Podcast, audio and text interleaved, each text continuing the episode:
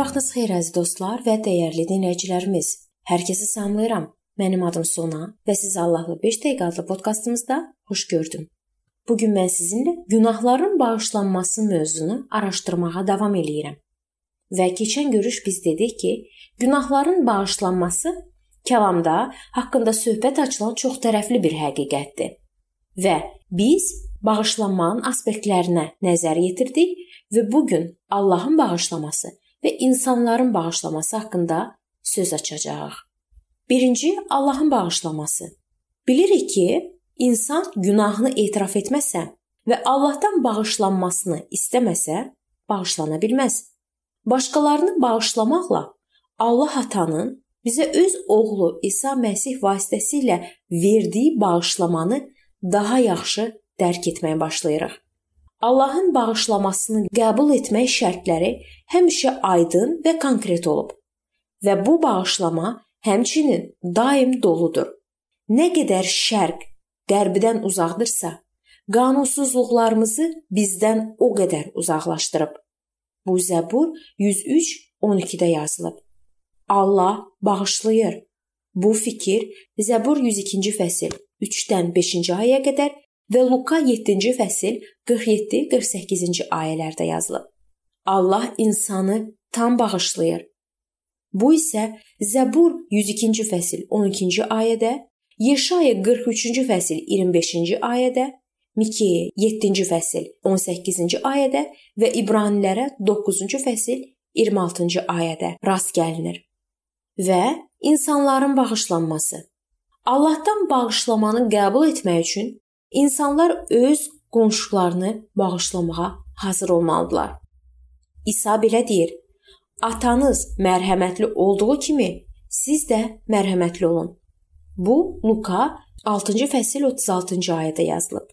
İsa bağışlama üçün ölçü və sərhəd qoymayıb, lakin hamını və həmişə bağışlamağı tapşırıb.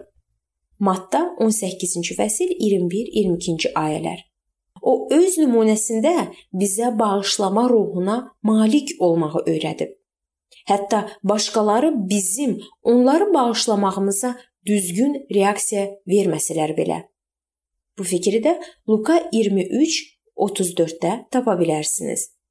Növbəti biz mərhəmətli olmaq və hətta öz düşmənlərimizi sevmək üçün doğulmuşuq. Buna inanmaq çətin olsa belə, amma bu belədir. Bu fikir isə Matta 5-ci fəsil 44-cü ayədə, Luka 6-cı fəsil 36-cı ayədə, 10-cu fəsil 36-37-ci ayələrdə və Romalılara 12-ci fəsil 14-cü ayədən 21-ci ayəyə qədər. Öz düşmənlərini bağışlayan adamların hərəkətləri barədə düşünün. Məsələn, Yusif bu Yaradılış 45-15-də yazılıb. Davud haqqında düşünün. Bu 1-ci Şamuel 26-11-də yazılıb və Stefan haqqında düşünün. Həvarilərin işləri 7:60-da. Və gəlin biz bağışlamağın sevinci haqqında da bir neçə söz deyək.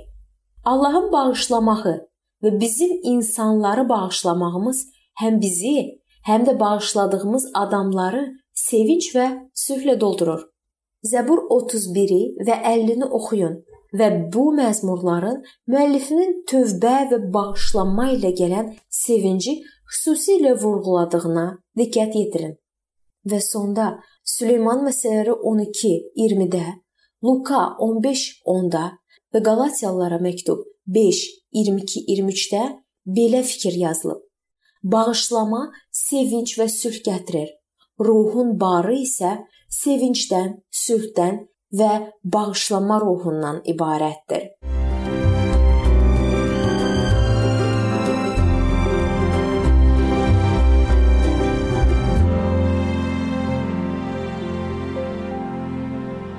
Beləliklə əziz dostlar, bu mövzu burada sona çatdı. Hər zaman olduğu kimi sizi dəvət edirəm ki, bizim podkastlarımızı Facebook səhifəmizdən və YouTube kanalımızdan dinləməyə davam eləyəsiniz. İndi isə mən sizinlə sağollaşıram və növbəti görüşlərdə görmək ümidi ilə. Sağ olun, salamat qalın.